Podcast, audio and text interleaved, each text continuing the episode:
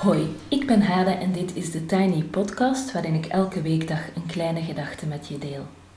Vandaag is het woensdag 27 mei en de kleine gedachte gaat over de vrouwen van, van een leven.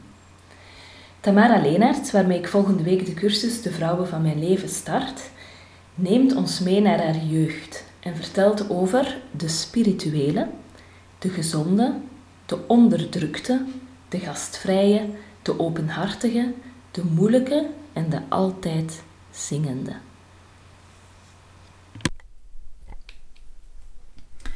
De vrouwen van een leven. In het traject gaan we met drie impactvolle vrouwen aan de slag, één per week. Ik doe dus mijn best om een top 3 samen te stellen. Maar hoe ijverig en plichtsbewust ook, er is een groepje van zeven dat hardnekkig een plaats opeist. Opnieuw en opnieuw. Ik besluit dan maar om er deze podcast aan te wijden. Wie weet kan ik tijdens het traject dan gewoon met één vrouw, of kan ik me dan tijdens het traject gewoon tot één vrouw beperken. De vrouwen van mijn leven. Carola, Gertrudis, Margaretha, Cecilia, Maria, Amoberga en Mathilde. Ik herhaal. Carola, Gertrudis, Margaretha, Cecilia, Maria, Amoberga en Mathilde. Het heeft mij als klein meisje flink wat tijd gekost om die namen van buiten te leren en dan nog in de juiste volgorde. En voor de volledigheid, er horen ook nog drie mannennamen bij, verspreid in het rijtje. Michael, Raphaël en Jan. Voor mijn verhaal zijn die mannen niet zo relevant. In het echt was hun impact, zo leek het mij toch, ook eerder beperkt. Hun vrouwen daarentegen voegden een heel eigen kleur toe aan het zussennest. Mijn moeder was het derde meisje, Margaretha de Moeilijke, zo zei mijn grootvader in zijn speech op het huwelijksfeest van mijn ouders. Naast de moeilijke was er ook de gastvrije, die voor de kleinste geringste gelegenheid haar huis omtoverde tot een feestpaleis. De spirituele, die vele jaren voor de hype aan yoga en mindfulness deed. Het nonneke, dat in Congo vrouwen ging helpen bevallen, de intelligente onderdrukte, die trouwde met een man waar ze niks van mocht, de propere gezonde, in wiens keuken kruimelen met de rijstwafels doodzonde was, en de rommelmarktenfanaten, van wie ik antieke nachtjaponnen en heksensjaals kreeg. En dan de drie schoonzussen, de openhartige, de onzichtbare en de altijd zingende. En te midden van die bonte mengeling aan vrouwen zijn mijn twee jaar jongere zus en ik opgegroeid. Om u een idee te geven. 15 augustus is in Antwerpen traditioneel hoogdag voor de moeders. Ik weet het, in de rest van het land is dat in mei.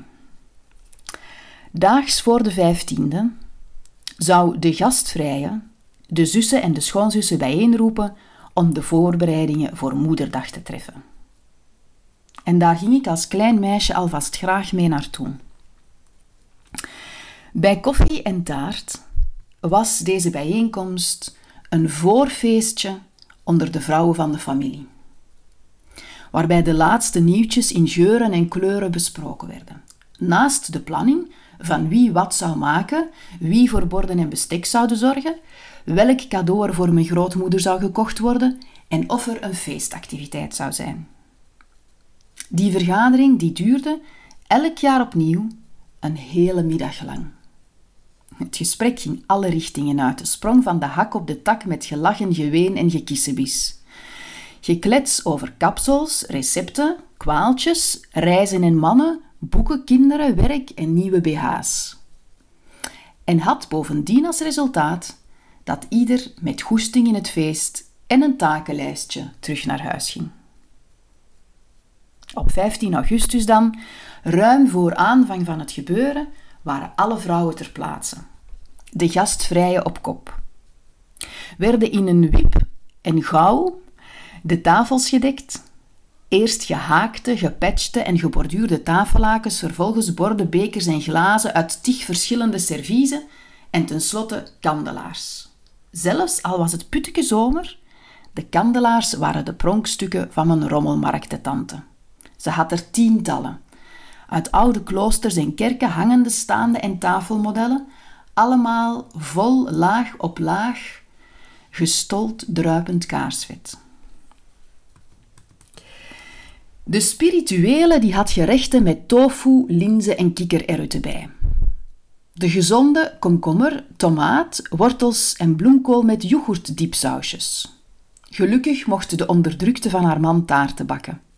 En zorgden de tantes voor kriekjes met balkjes en koude kippenbilletjes. De tafels leken te zullen bezwijken onder het vele Vlaamse lekkers.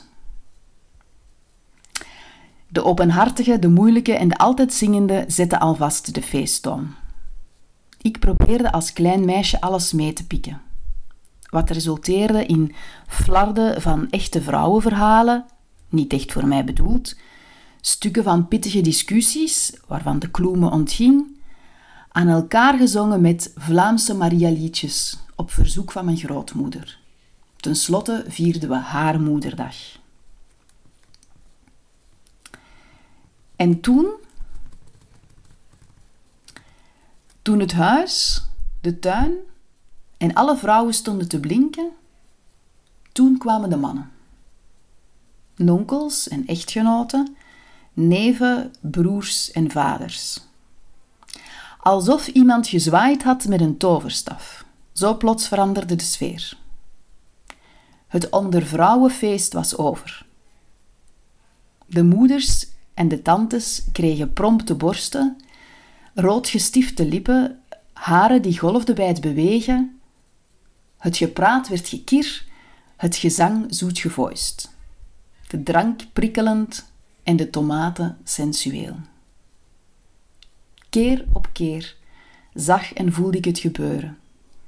Deze sprookjesachtige metamorfose.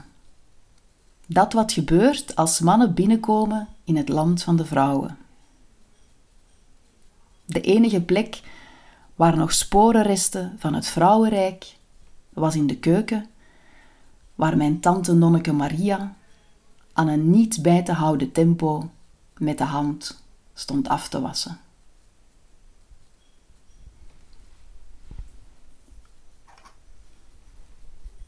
Ik hoop met jullie aan de slag te mogen gaan in ons traject De Vrouwen van mijn leven.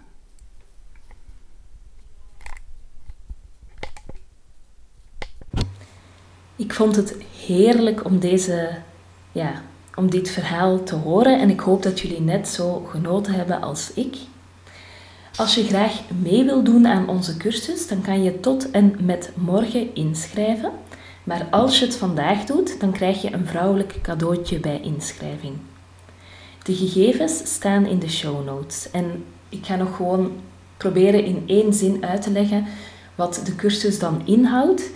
Uh, de cursus gaat erom dat je ehm, uh, door opdrachten die wij geven, uh, op een creatieve, diepgaande, reflectieve manier gaat kijken naar welke vrouwen jou beïnvloed hebben en gevormd hebben. Um, hoe dat jouw vrouwelijkheid vorm heeft gegeven, welke impact dat heeft gehad op jouw leven en wie jij wil zijn voor andere vrouwen.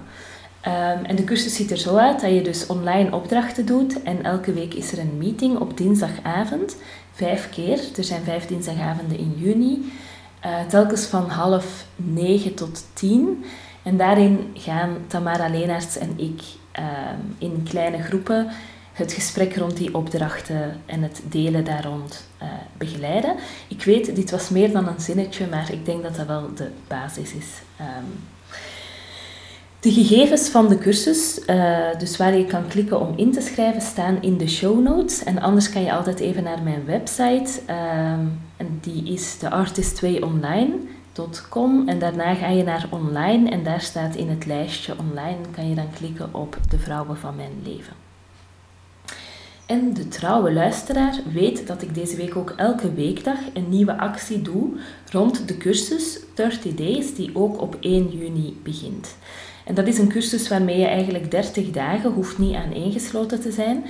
uh, maar wel 30 dagen. Je krijgt opdrachten mee om 30 dagen elke dag intuïtief uh, te schrijven voor jezelf. En dat heeft allemaal voordelen, zoals het reguleren van je emoties, um, het beter in beeld krijgen van wat je zelf wil, um, um, goed de vinger aan de pols van jezelf kunnen houden enzovoort.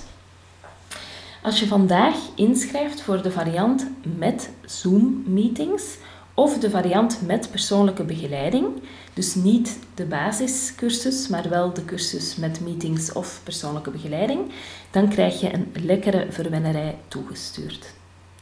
Je kan alle informatie vinden in de show notes en ik wens je nog een prachtige dag. En tot zover de Tiny Podcast voor vandaag. Je kan me volgen op Instagram, TheTinyPodcast. En je helpt me door deze podcast wat sterretjes te geven op iTunes, een review achter te laten en of hem door te sturen aan iemand anders die er misschien graag naar wil luisteren. Tot morgen!